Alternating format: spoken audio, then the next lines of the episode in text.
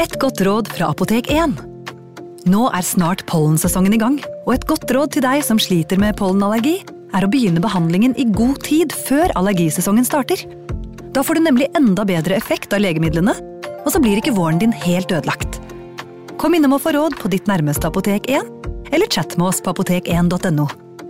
Apotek 1 vår kunnskap, din trygghet.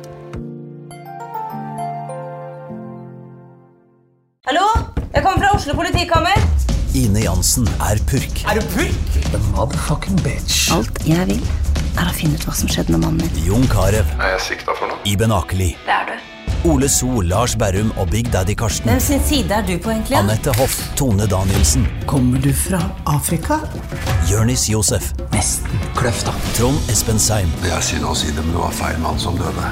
Purk. Premiere tirsdag på TV2 Play. Advarsel. I denne podkasten vil du høre historier basert på informasjon programlederne har funnet selv. Programlederne står ikke nødvendigvis inne for meninger og syn som fremstilles. Noen påstander kan avvike fra virkeligheten.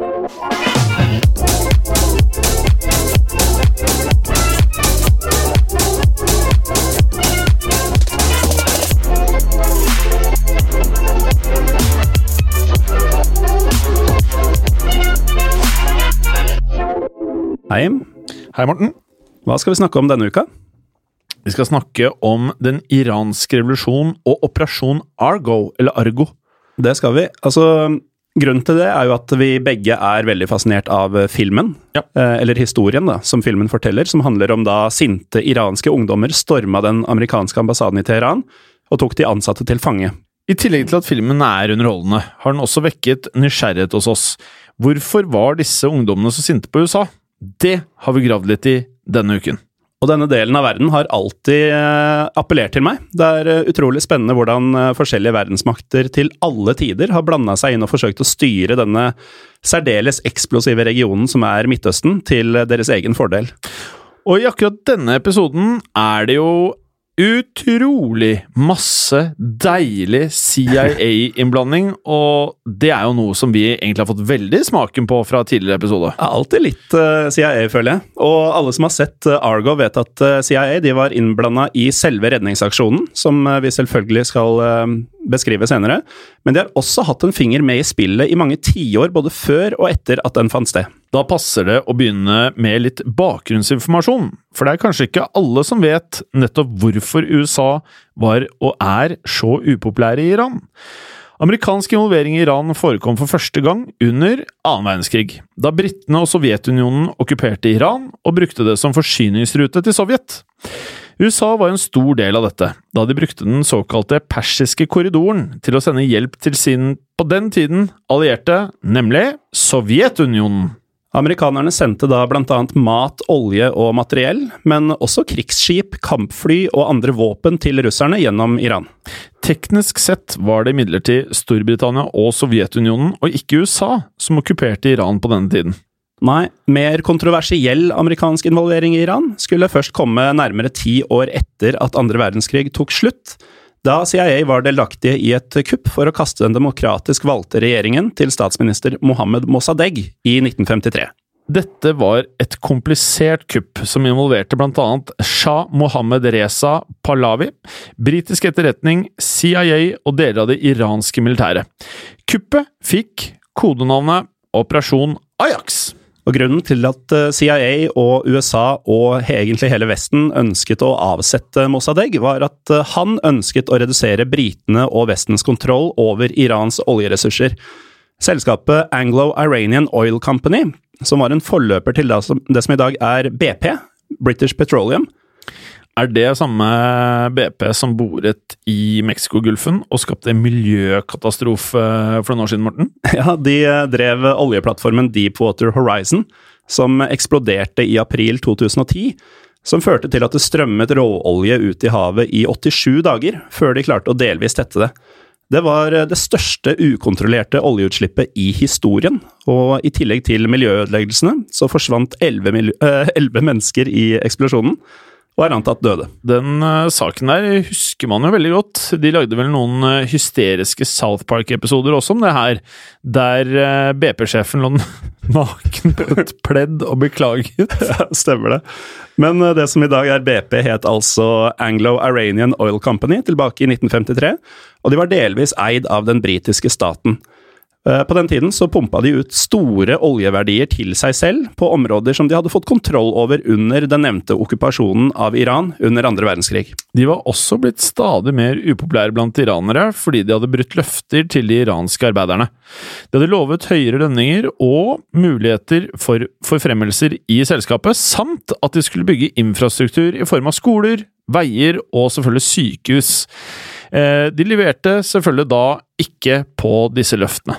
Og nevnte statsminister Mossadegh han var i takt med folket og ønsket sammen med parlamentet å nasjonalisere den iranske oljeindustrien.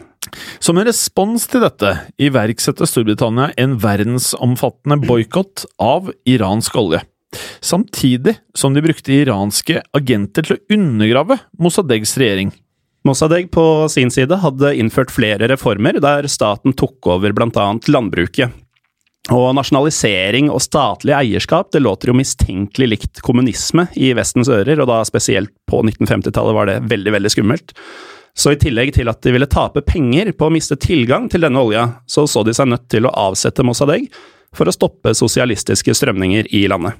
I oktober 1952 erklærte Mossadegh at Storbritannia var en fiende, og kuttet alle diplomatiske forbindelser med landet.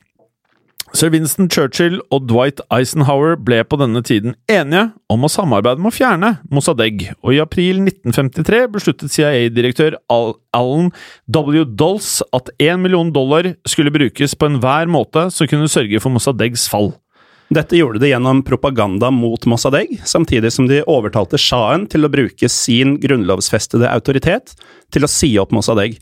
Og propagandaen den virket, Mossadegh ble stadig mindre populær blant folket, og i august 1953 hadde også sjahen blitt overtalt. Han sa formelt opp statsminister Mossadegh, men han, han nekta å gi seg. Det så først ut som om planen hadde slått feil, for sjahen rømte landet da Mossadegh nektet å gå av. Dette var imidlertid forutsett av britene og amerikanerne, og det førte til massive protester mot Mossadegh i gatene. Nesten 300 mennesker døde i opptøyene som fulgte, og i kaoset styrte MI6 og CIA de pro-monarkistiske troppene til å storme hovedstaden med stridsvogner. Og 19. august 1953 ble Mossadegh arrestert. Han ble dømt til tre års fengsel for svik, og tilbrakte etter det resten av livet sitt i husarrest, der han døde i 1967. Viktigst for britene og amerikanerne var imidlertid det at sjahen ble gjeninnsatt på tronen, og noe av det første han gjorde, det var å gjeninnføre avtaler med utenlandske oljeselskap. Så Vesten var happy igjen. Og her kan man si at grunnlaget for misnøyen i landet, som senere skulle lede til Ayatollah Khomeinis islamske revolusjon, ble lagt. Helt klart, for shahens styre de neste 25 årene, den var svært USA-vennlig og vestlig orientert han nektet bl.a. å forby alkohol, gambling og sex før ekteskap, noe som eh, førte ham i eh, konflikt med de religiøse kreftene i landet. I tillegg var regimet hans svært brutalt og slo hardt ned på dissidenter. Shahen ble i tillegg beskyldt for utstrakt korrupsjon. Samtidig jobbet de religiøse lederne, kalt ulema, aktivt med sosial aktivisme, som gjorde at deres popularitet blant folket økte.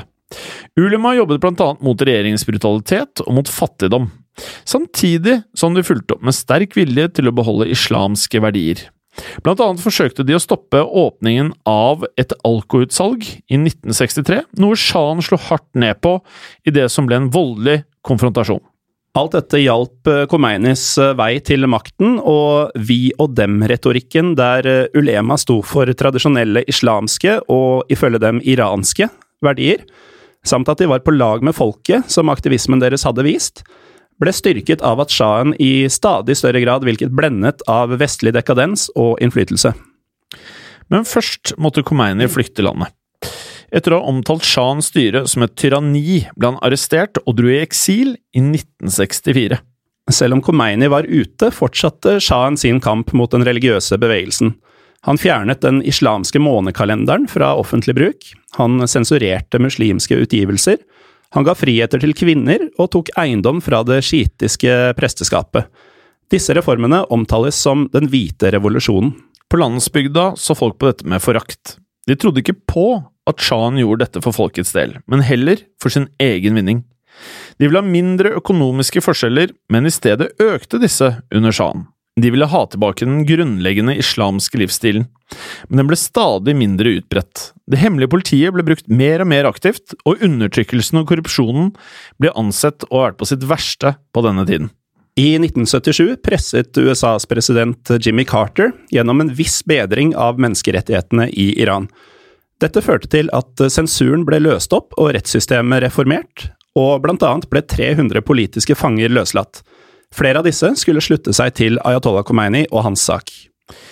Khomeini satt på denne tiden i Irak og ledet en liten fraksjon som talte for å kaste Shahs regime og skape en teokratisk stat altså en gudestyrt stat der Gud, altså prestene, har den høyeste autoritet. Khomeini og andre ledere i eksil satt i Irak, Tyrkia, London og Paris og spilte inn taler på kassett. Disse kassettene ble så smuglet inn til Iran, hvor den eh, hovedsakelig analfabetiske befolkningen kunne høre på dem. En genial taktikk, når man vet at man hadde så bred støtte på landsbygda og blant de fattige. Protestene mot sjahen eskalerte i kjølvannet av dette. Etter en nedsettende artikkel om Khomeini i avisen i januar 1978 demonstrerte sinte studenter og religiøse ledere i byen Kom. Kom. Kom. Her ble hæren satt inn, og flere studenter ble drept. 40 dager etter, den 18. februar 1978, skulle det avholdes minnehøystunder i moskeer over hele landet for å ære de døde studentene. Og dette gikk fryktelig galt. I en blanding av eh, minnehøystund for å hedre studentene og protest mot sjahen, marsjerte grupper eh, i forskjellige byer rundt i landet, og i Tabris i nord brøt det ut voldeligheter som førte til at over 100 demonstranter ble drept. En måned senere ble det en ny runde med landsomfattende protester der mange mistet livet, og det samme skjedde igjen 10. mai. Demonstrasjoner, inflasjon og enda flere usosiale tiltak fra sjahen gjorde at landet nå var på et bristepunkt og sjahen innførte unntakstilstand. Fredag 8. september 1978, kjent som den svarte fredagen, satte hæren inn stridsvogner, kamphelikopter og maskingevær, og de drepte hundrevis av demonstranter. Og dette skulle bli kroken på døra for shah Mohammed Reza Pahlavi. Denne voldsbruken fremmedgjorde store deler av befolkningen, og det samme skjedde med hans allierte i utlandet. Daglig ble det demonstrert, og daglig ble folk drept. Så kom desember. 12. desember 1978. Under den hellige måneden Muharram fylte to millioner mennesker gatene i Teheran for å protestere mot sjahen. Det litt ironiske med at konflikten mellom styre og folk var på sitt blodigste og mest anspente på akkurat denne tiden, det er at eh, Muharram er en tid for fred og forsoning. Ja, og dette var ingen fredelig eller forsonende dag. Under demonstrasjonene begynte hæren å gå i oppløsning, da de nektet å skyte på demonstrantene. Og mange skiftet side. Noen soldater snudde seg mot sine overordnede offiserer, skjøt dem og tok over militærbaser. Og til slutt ble det naturligvis for mye for Shan, som eh, rømte landet 16.1.1979. Han hadde gjort seg upopulær i store deler av verden, og ble nødt til å flytte mye rundt i årene som kom. Og her kommer vi altså til Operasjon Argo, for eh, Shan hadde i disse årene blitt svært kreftsyk. Han trengte umiddelbar, sofistikert behandling. Og president Jimmy Carter han tillot i eh, oktober 1979 at shahen skulle få komme og få denne behandlingen i USA, noe som virkelig satte sinnene i kok i Iran. Khomeini hadde kommet tilbake til Iran i februar, og den påfølgende våren og sommeren konsoliderte han makten i landet og den islamske republikken Iran så dagens lys. I november samme år sto den nye islamske grunnloven klar, og det hadde vært heftig debatt i månedene før om hvordan den skulle se ut og hvem som skulle styre landet. Det var med andre ord en anspent høst i Iran, selv etter at revolusjonen hadde funnet sted. Og denne høsten var det altså at president Carter tillot Shan å komme til USA for å få kreftbehandling, nærmere bestemt den 22. oktober 1979. Det iranske folk og Khomeini selv raste mot amerikanerne og forlangte å få sjahen utlevert så de kunne stille ham for retten og henrette ham. Det fikk de naturligvis ikke, og nesten to uker senere, den 4. november, stormet en miks av studenter og unge støttespillere av Khomeini den amerikanske ambassaden i Teheran. En nærmest utrolig aksjon. Dette var vanlige ungdommer som med makt tok over ambassaden til verdens mektigste land.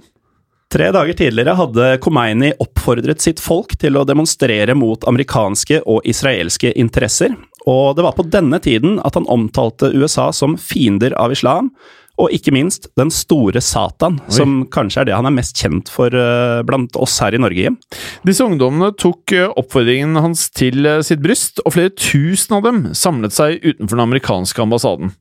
Det var ikke uvanlig på denne tiden med folkemengder og protester her, men med det politiske klimaet ble det iranske politiet stadig mindre hjelpsomme mot ambassaden og dens ansatte. Denne dagen tok en gruppe som kalte seg Imamens disipler, en gruppe på ca. 500 personer, litt avhengig av hvilken kilde du bruker. Eh, de tok seg inn i hovedbygget på ambassaden. Amerikanerne de så at vaktholdet ikke klarte eller ikke ønsket å stå imot, og begynte å ødelegge kommunikasjonsutstyr og sensitive dokumenter. og Det er grunn til å tro at makuleringsmaskinene gikk varme akkurat nå, Jim. Snakk om å rettlate seg selv. Ikke bare ble ambassaden tatt av sinte demonstranter, men myndighetene i landet du befinner deg i, er ikke i det hele tatt interessert i, i å hjelpe deg. Og det er jo med disse scenene filmen eh, Argo med Ben Affleck eh, starter.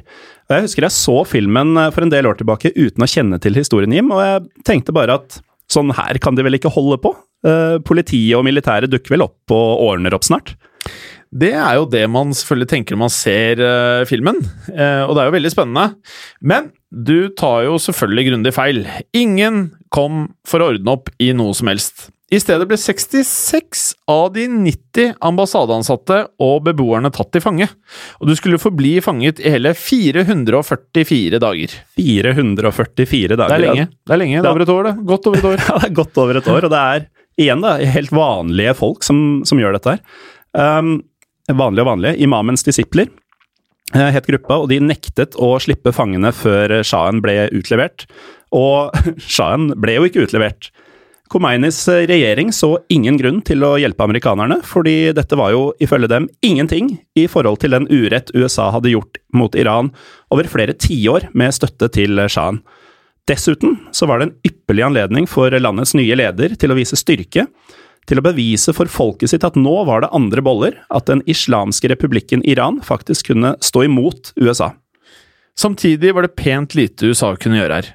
President Carter forsøkte både økonomisk og diplomatisk press mot Iran, men det fungerte ikke. Og dette var jo selvfølgelig en enorm sak, både i USA og Iran. Eh, amerikanerne hadde et daglig TV-program om eh, saken, America Held Hostage, der man for så vidt eh, sjelden hadde noe nytt å melde, for det, det skjedde jo ingenting, det var jo ingen fortgang i saken. Eh, I Iran på sin side ble det vist frem hemmelige dokumenter tatt fra ambassaden, Annet dokumenter de hadde satt sammen igjen etter at de var blitt eh, makulert, og da er du dedikert. Da er du dedikert. Etter to uker ble 13 av gislene løslatt. Disse var utelukkende kvinner og afroamerikanere. De resterende 53 gislene var alle hvite menn. I februar 1980 satte Iran ut en rekke krav for å frigjøre gislene. Tidligere hadde de benektet at dette var en offisiell aksjon de hadde noe med å gjøre, men nå mente de å ha myndighet til å forhandle på vegne av imamens disipler. Blant kravene, i tillegg til å få sjahen utlevert, var det å få en unnskyldning for tidligere amerikanske aksjoner i Iran, blant annet kuppet mot Mossadegh i 1953. Tiden gikk, og lite skjedde. America Held Hostage var et program som virket kliss likt hver dag i denne perioden. Men i bakgrunnen, Morten, i bakgrunnen skjedde det ting. Ja, for nå er det Argo-tid, Jim. I eh, tumultene som oppsto den dagen ambassaden ble tatt, så hadde nemlig seks amerikanere klart å unnslippe, og de søkte tilflukt blant uh, vennligsinnede ambassadører fra andre land, nemlig Canada og Sverige. Og spesielt den canadiske ambassadøren, Ken Taylor, tok en stor personlig risiko med å skjule de amerikanske diplomatene da de fikk bo i hans bolig. Argo-operasjonen, eller Canadian Caper, Canadian Caper, altså canadisk lureri. Ja, dette er navnet på planen den canadiske regjeringen og CIA la for å få disse seks amerikanerne trygt ut av Iran. Og canadisk lureri passer ganske godt. For det er ganske svindleraktig, det som skal skje her. Man eh, skjønner jo godt at de eh, laget film av det, for det er veldig mye som skal på plass i denne planen. Altså, I filmen så har de jo tatt seg visse friheter, som vi skal snakke litt mer om etterpå, Jim. Men uh, da man se, så filmen, så var det så mye detaljer, og så liksom The Sting Ocean Eleven-aktig. Uh, veldig filmmanusvennlig opplegg. Canadian Caper var altså navnet de selv brukte på operasjonen. Ettersom canadierne spilte en så sentral rolle i det. Ikke bare fordi Canada hjalp til med å skjule diplomatene, men hvordan tror du det er lettest for en amerikaner å skjule at man er en amerikaner, Morten? Det må jo være å late som om man er fra Canada. Det, det er jo umulig å verken se eller høre forskjell. Men uh, hvor kommer da navnet Argo inn da? Nå skal du høre. Det var nemlig nødvendig for CIA-agentene som deltok i operasjonen, blant annet Tony Mendes, som Ben Affleck spiller i filmen, å ha et dekke for å komme seg inn i Iran på denne tiden. De utga seg derfor for å være et filmteam fra, ja, nettopp Canada, som var på oppdrag for å finne passende steder for å spille inn den kommende fiktive sci-fi-filmen de kalte Argo. Mendes var for øvrig en ekspert på forfalskning og eksfiltrasjon, i likhet med sin ikke navngitte kollega, som også var med han. Dette er ganske sjuke ting, eh, Morten. Det er veldig forseggjort. Ja. Veldig detaljert. Og um, så skal vi da se hvorvidt alt dette var nødvendig etter hvert, da. Ja, men, men eh, selve det å uh, liksom utgi seg for å være et kamerateam, mm. det, det, er som en roman. Som en fiktiv roman ja. som er skrevet her. hvor liksom, Hadde du lest det, så hadde du tenkt at Kom igjen, da! Det her kunne jo ikke skjedd. Men så har det jo skjedd, da! Det har skjedd. Ja og så får vi se om det kan skje igjen. Ja. Men uh, denne, altså Argo, denne filmproduksjonen de lot som om de hadde på trappene, den måtte virke så ekte som mulig. Uh, så derfor så brukte de 10 000 dollar på å kjøpe et uh, faktisk filmmanus. Og de fikk ekte skuespillere og ekte regissører til å bli kreditert som en del av denne filmen eller produksjonen, som altså ikke fantes i virkeligheten. Og I tillegg så brukte de mye midler på å promotere filmen kraftig i mediene, som en stor produksjon som folk bare kunne glede seg til. Planen var å komme inn i landet, forsyne de seks diplomatene med canadiske pass og nye identiteter, og fly dem hjem igjen til USA. Det høres jo ganske enkelt ut da, Morten. Hvis du er en godt trent CIA-agent som er ekspert på forfalskning og eksfiltrasjon, så høres det kanskje enkelt ut. Men for seks helt vanlige kontorrotter så var det mye som måtte på plass. De amerikanske diplomatene fikk nemlig ikke bare canadiske pass. De fikk også hver sin dekkhistorie med alle detaljer du kan tenke deg, altså navn, fødselsdato, hjemsted, familiehistorie, sykdomshistorie, alt som hører til. Eh, noe, de hadde to dager på å lære seg. Hvordan uh, tror du du ville reagert i den situasjonen, eh, Jim? Jeg hadde blitt uh, panisk, jeg hadde blitt ukomfortabel, jeg hadde blitt veldig varm. Jeg blir ofte varm når jeg blir stressa, og så hadde jeg spredt stress og frykt til alle rundt meg. jeg tror ikke man hadde hatt en beroligende effekt på de andre rundt seg heller. Um, og alt dette måtte jo da sitte, fordi på denne tiden så var vaktholdet på flyplassene i Iran ekstremt. Eh, det å bli plukka ut til et lengre intervju det var ikke uvanlig, og da spesielt hvis du hørtes amerikansk ut. Jeg tipper du har hjertet greit oppi halsen når du står og lyver om hvem du er til bevæpnede vakter i et land som hater deg, og alt, alt landet ditt står for. Eh, man blir jo litt svett, og um, jeg, jeg, vet ikke om jeg kunne lært meg det, for å være ærlig. Eh, jeg hadde vært så skjelven og jeg hadde gitt meg bort da med kroppsspråket. Og du veit, hvis du blir spurt om hva du heter eller hvor gammel du er Så sier du bare Gallosen. Du sier jo instinktivt eh, det du har svart på de samme spørsmålene gjennom hele livet, ikke sant? Ja, jeg hadde jo svart at jeg er Jim Fosheim fra Historiepodden. Jeg jobber med podkast i moderne media. Hva hadde du svart, Morten? Vet du hva, Det er pussig at du spør, fordi jeg var i Israel for et par år siden. og Da var jeg forberedt på at man blir eh, intervjua om eh, veldig mye hva du skal i landet, først og fremst. da, Hadde jo jeg trodd jeg skulle få spørsmål om. Uh, og når jeg kommer til passkontrollen der, og når jeg har landa og skal inn i landet, så spør de jo ikke om det. De spør når er du født, ja. hva heter du og sånn, og jeg ble helt sånn øh, øh. Og også sånne ting som hva heter faren din? Ja. Hvilket nabolag bor moren din i? Mm. Jeg var forberedt på noe helt annet, noe mer komplekst, og så stilte de sånn superbanale, enkle spørsmål om meg selv, og jeg ble helt satt ut. Med andre ord, vi hadde kanskje ikke takla Operation Argo på best mulig måte. Den 28. januar 1980 på Merabad-flyplassen i Teheran skulle planen settes ut i live. Amerikanerne, ledet av Mendes og en kollega fra CIA, skal bore morgenflyet til Zürich i Sveits. Det er spesielt i denne delen eh, Affleck og Hollywood har tatt seg friheter med historien.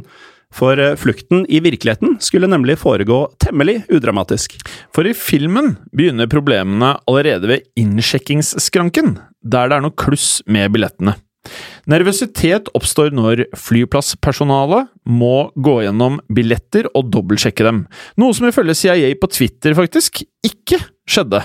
Billettene var klare på forhånd, og de møtte ikke på noen utfordringer ved skranken. Jeg må bare skyte inn her at uh, Når du sier CIA på Twitter, så har de en tråd hvor de sammenligner uh, filmen og virkeligheten, fordi dette har blitt avklassifisert i nyere tid. Hæ? så de har hashtaggen Real Argo med to e-er i real, altså Bon Argo og Real Argo, R-E-A-L, hvor så, de sammenligner eh, hvordan det fremstår i filmen, og hva som egentlig skjedde. Veldig men, interessant. Men kan lytterne nå gå inn og sjekke? Ligger det fremdeles? Ja. Hashtag Real Argo, enten med reell eller real. Ja. Eh, begge deler. Kult, det skal jeg faktisk sjekke. CIA på Twitter, altså.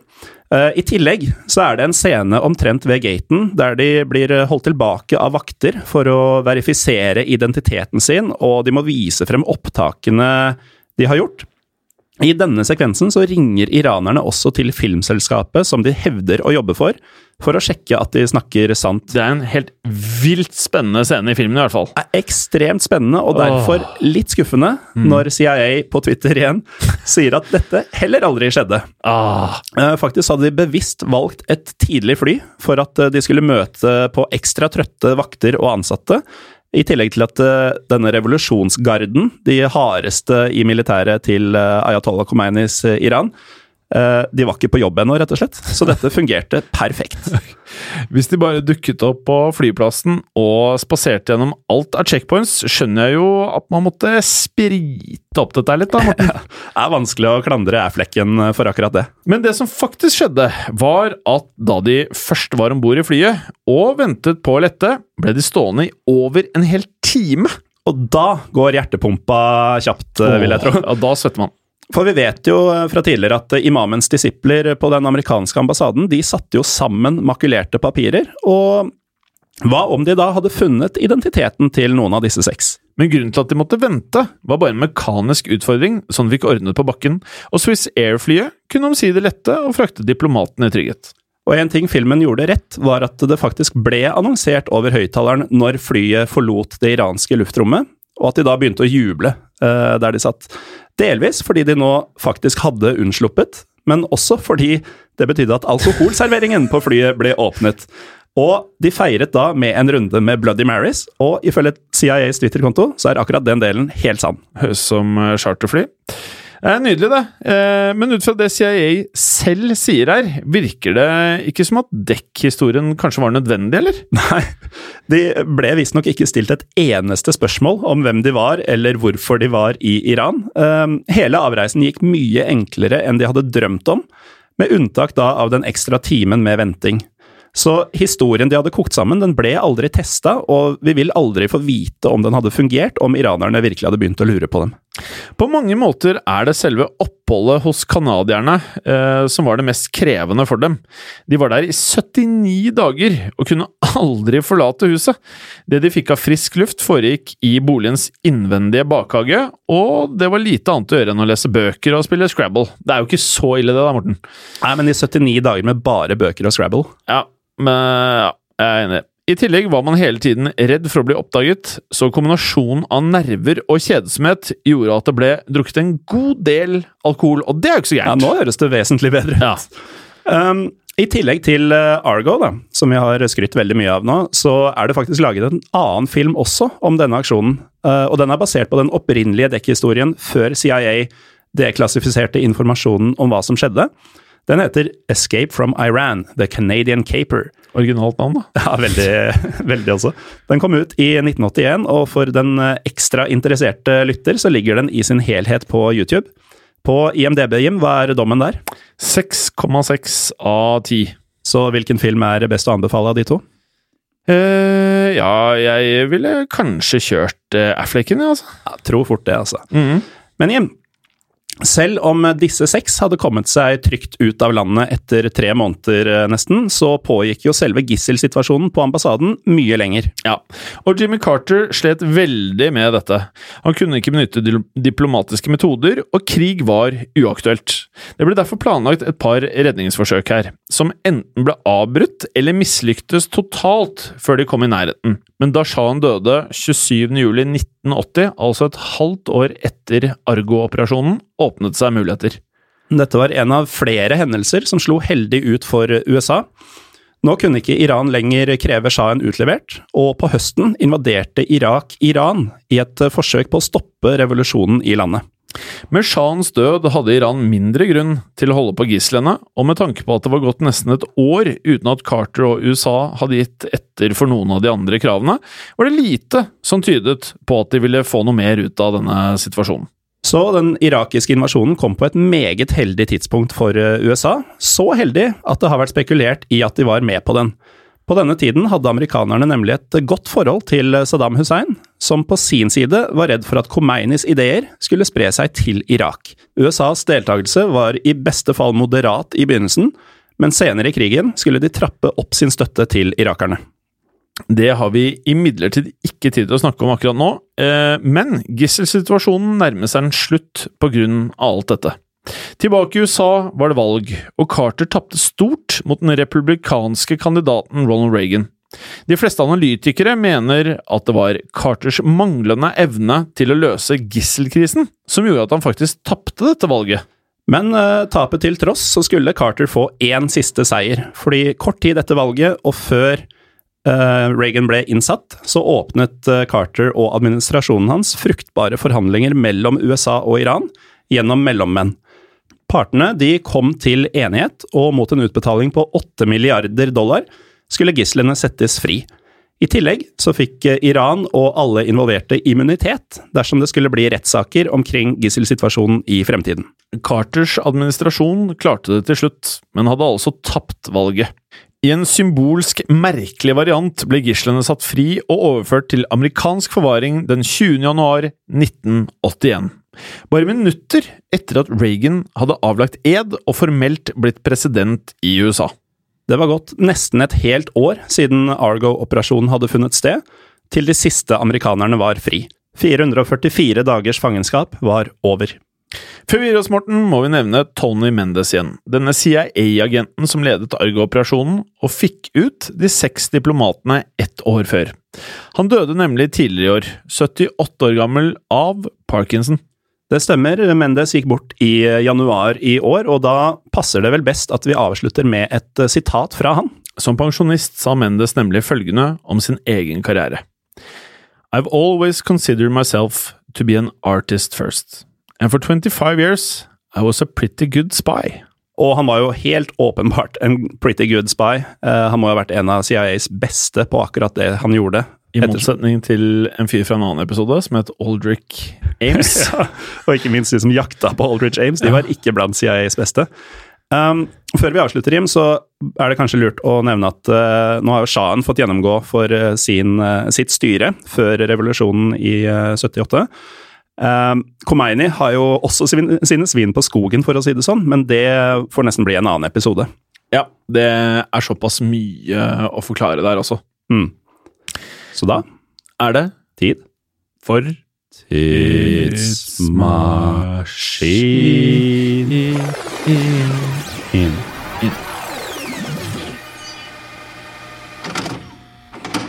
Og Jim? Ja! Ville vi dratt til Iran i den svært urolige tiden eh, rundt den islamske revolusjonen på slutten av 70-tallet? Nei. det ville vi ikke. Uh, men uh, jeg syns ikke det her er i nærheten av det verste liksom, å ta tidsmaskin på. Syns det er mange av de andre tingene vi har pratet om som føles verre. Men allikevel Jeg sier jo nei, men det var jo ganske spennende. Og um, jeg tror, hadde jeg visst utfallet, og jeg var en av de som kom meg helskinna gjennom det, så tror jeg for så vidt at det hadde vært en veldig lærerik opplevelse. Altså, Jeg er jo naiv nok til å tenke at uh, vi uh, norske, og da ikke amerikanske eller israelske, at de ikke hadde noe spesielt raseri retta mot oss på den tiden. Og det er jo, som du sier, en veldig interessant og spennende og hendelsesrik eh, periode. Veldig mye som skjer på veldig kort tid. Ekstremt voldelig den tiden, da. Så jeg hadde i hvert fall unngått eh, store forsamlinger og demonstrasjoner. Men eh, samtidig å surre litt rundt på landsbygda kanskje, og høre med folk hva de tenker. Nei, jeg tror egentlig ikke jeg hadde gjort det heller. Nei. Med andre ord så er det ikke noe for vårs å ta Tesla-flyet tilbake til denne perioden heller. Ikke tilbake til den perioden, men jeg kunne godt tenkt meg å ta en tur til Iran i disse dager. Ja, det kunne jeg også faktisk. Men uh, det som slår meg her, er at vi snart må begynne å ta litt perioder som var litt hyggeligere. For vi vil jo aldri tilbake i tid. Nei, det var bare da Capone og gutta holdt på at vi uh, kunne tenke oss det. Eh, Jeg har tenkt på at eh, Jeg vet ikke hvordan vi skal skvise det inn i historiepodden, men noen dinosaurer syns synes jeg hadde vært veldig fint. Men da igjen, ikke sant, da hadde vi sikkert daua for sure. Ja, da dit tar jeg ikke tidsmaskin, det kan jeg Jo. fortelle med en gang. Men eh, hvis det man hadde fått ut av det, hadde vært så spektakulært at om man bare hadde vært der en dag, en time, kanskje det hadde vært verdt det? Nei, ikke. Ikke gått ut av bilen. Eh, Ja, får man bil? Ja, Ja. Teslaen. ja ok, ja, ja. Med ekstrem mengde mat, da. Ja, hvis du bare skulle vært der i en dag, så er det jo greit. Ja, Kan man dra tilbake igjen? Det har vi aldri lagt premisser for. Det er bare antatt, det. Måtte vi blitt der? Ja, ok, man kan dra tilbake igjen. Dette burde vi kanskje diskutert før episode én. Ja. Fordi at Hvis premisset er at vi kan være der bitte lite grann, så er det jo, da er jeg med på veldig mye. Ja, det handler jo bare om å dra dit og se litt, har jeg alltid trodd. I så fall så er det Back to the Future-bilen. Da kan du bare peile inn på sekundene på dagen og Mm. litt sånn, da. Du, Der må vi diskutere før sesong to hvordan vi skal gjøre dette her. Det må vi. Problemet med den bilen er jo at det alltid er noe som går gærent. Ja. Det er en så ømtålig mekanisme som gjør at du aldri havner der du skal. Ja, og han Doc surrer noe fælt, Mm. så de havner jo ofte litt feil tider og sånn. Og jeg tror ikke han har blitt noe bedre de siste 30 åra. Det tror ikke jeg heller, Morten. Og med det skal vi jo si at Tidsmaskinen er eh, ferdig for i dag, eller? Og for denne sesongen. Å ja, for denne sesongen, ja. Det er siste for sesongen, ja. Det er det. Nå tar vi sommerferie Ok. Tidsmaskin lukket, eller? Ferdig? for denne gang. For denne gang. Ja, Morten. Eh, denne sesongen gikk eh, skremmende fort. Den gjorde det. Det føles som det var i forrige uke at vi satt og knota med Simo Hei Hei. Ja. Men er det to måneder nå? Nei. Det blir jo det, da. Hvis det er eh, ellevte episoden hadde vært én i uka, Ja. da er det jo over to måneder. Ja, det er over to måneder, ja. Så er det kanskje verdt å nevne at denne episoden her spilles inn før vi engang har lagt ut episoden om De Fjert. Det er sant. Den kommer i natt, den, fra her vi sitter nå. Ja, den kommer i natt. Så eh, når denne er ute, da, så har det gått over to måneder. Ja. Og det har, som du sier, gått som et knips, var det. Mm. Eller et skudd. Eller et skudd, ja. Et uh, Tommy Gunn-skudd. Ja, for eksempel. Uh, og hva kan vi si etter en sesong i Historiebåten nå, Morten? Jeg vil si at uh, den eh, veksten vi har opplevd, den har, eh, var i hvert fall ikke jeg forberedt på. Eh, det er jo flere hundre ratings og følgere på sosiale medier, og for ikke å snakke om lyttertallene. Jeg vet ikke hvor alle sammen kommer fra, men det er veldig, veldig hyggelig at eh, den jobben vi legger ned, for det er jo en god del i spesielt forberedelsene, eh, at den blir satt pris på. Det, Og så er det en god del jobb, ikke bare forberedelsene, men produsenten her, som eh, hvis du hører Felix og Bråten, som jobber med dette her det, det er jo noen ganger det er litt etterarbeid når vi har vært i studio. Eh, tusen takk for at dere er så tålmodige med oss, og Ja, for de er sanne helter. Ja, Eh, det lytterne ikke vet, er jo at da vi spilte inn eh, den sekvensen der Rasputin døde for noen uker tilbake, Ja. det var så mye stopp og byen og stopp og byen, for vi lo oss jo i stykker av alle cyaniden som ikke beit på og sånn. Ja, og da var det litt sånn at eh, jeg tror det hadde blitt veldig god lytting, men det er noe med at det føles også litt feil å le ti ganger når noen skal bli drept. Jeg hadde jo tårer i øynene av hvor morsomt det var. at Jeg måtte ta pauser og greier, måtte ikke det? Jo, måtte ut på gangen. Eh, ja, så litt sånn eh, har vi jo da. Og jeg, eh, i natt, skjønner du Morten, så la jeg meg grusomt sent av den grunn at jeg kom på en ny idé til eh, noe som kommer til å forandre historiepodden litt til sesong to. Som jeg tror du kommer til å elske. Jeg skal fortelle deg nå når vi er skrudd av mikrofonene. Og dere oh, lyttere kan jo mm -hmm. Og dere lyttere kan jo bare gni dere i hendene hvis dere liker det dere har hørt så langt. Så tror jeg dette kan eh, lage litt sånn eh, ekstra juice eh, for dere historiefolk.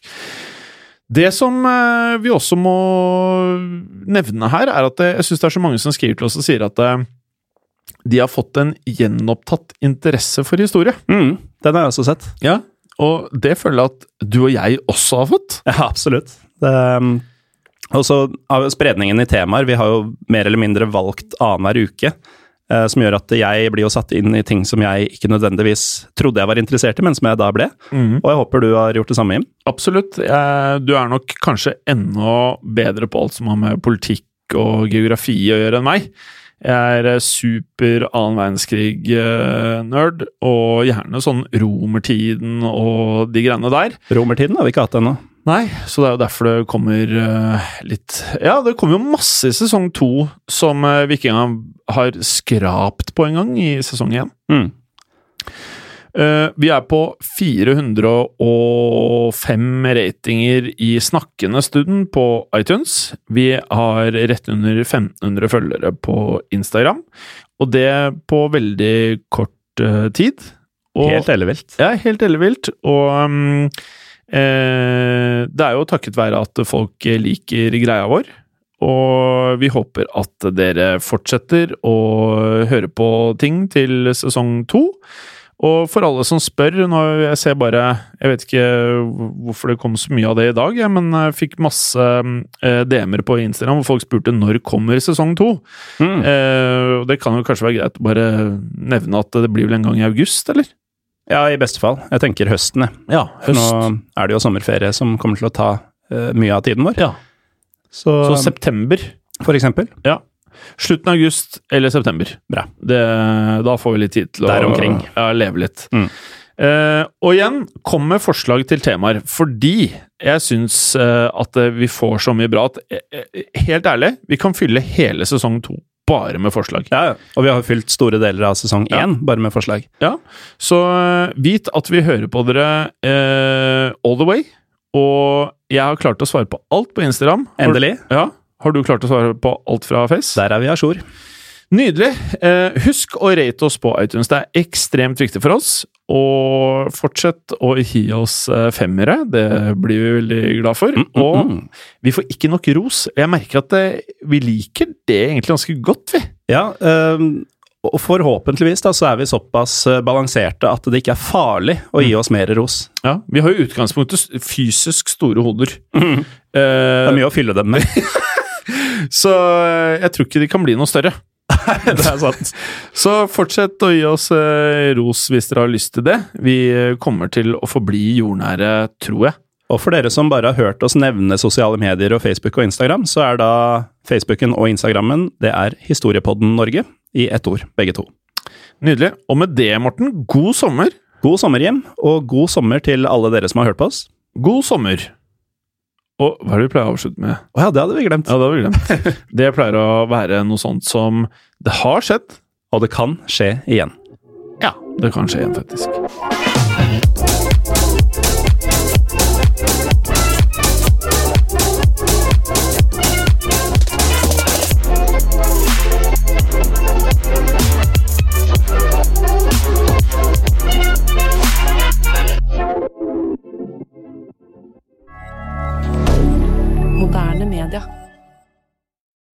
Har du et enkeltpersonforetak eller en liten bedrift?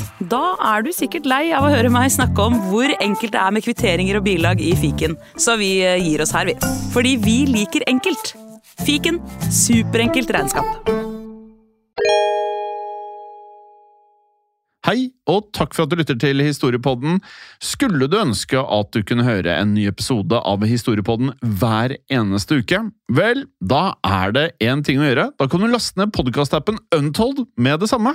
For i tillegg til ukentlige episoder av podkaster som Historiepodden andre verdenskrig, Henrettelsespodden og også Gangsterpodden, så får du masse annet reklamefritt og også eksklusivt innhold. Last ned Untold i AppStore eller Google Play og start din 30 dagers gratis prøveperiode allerede i dag.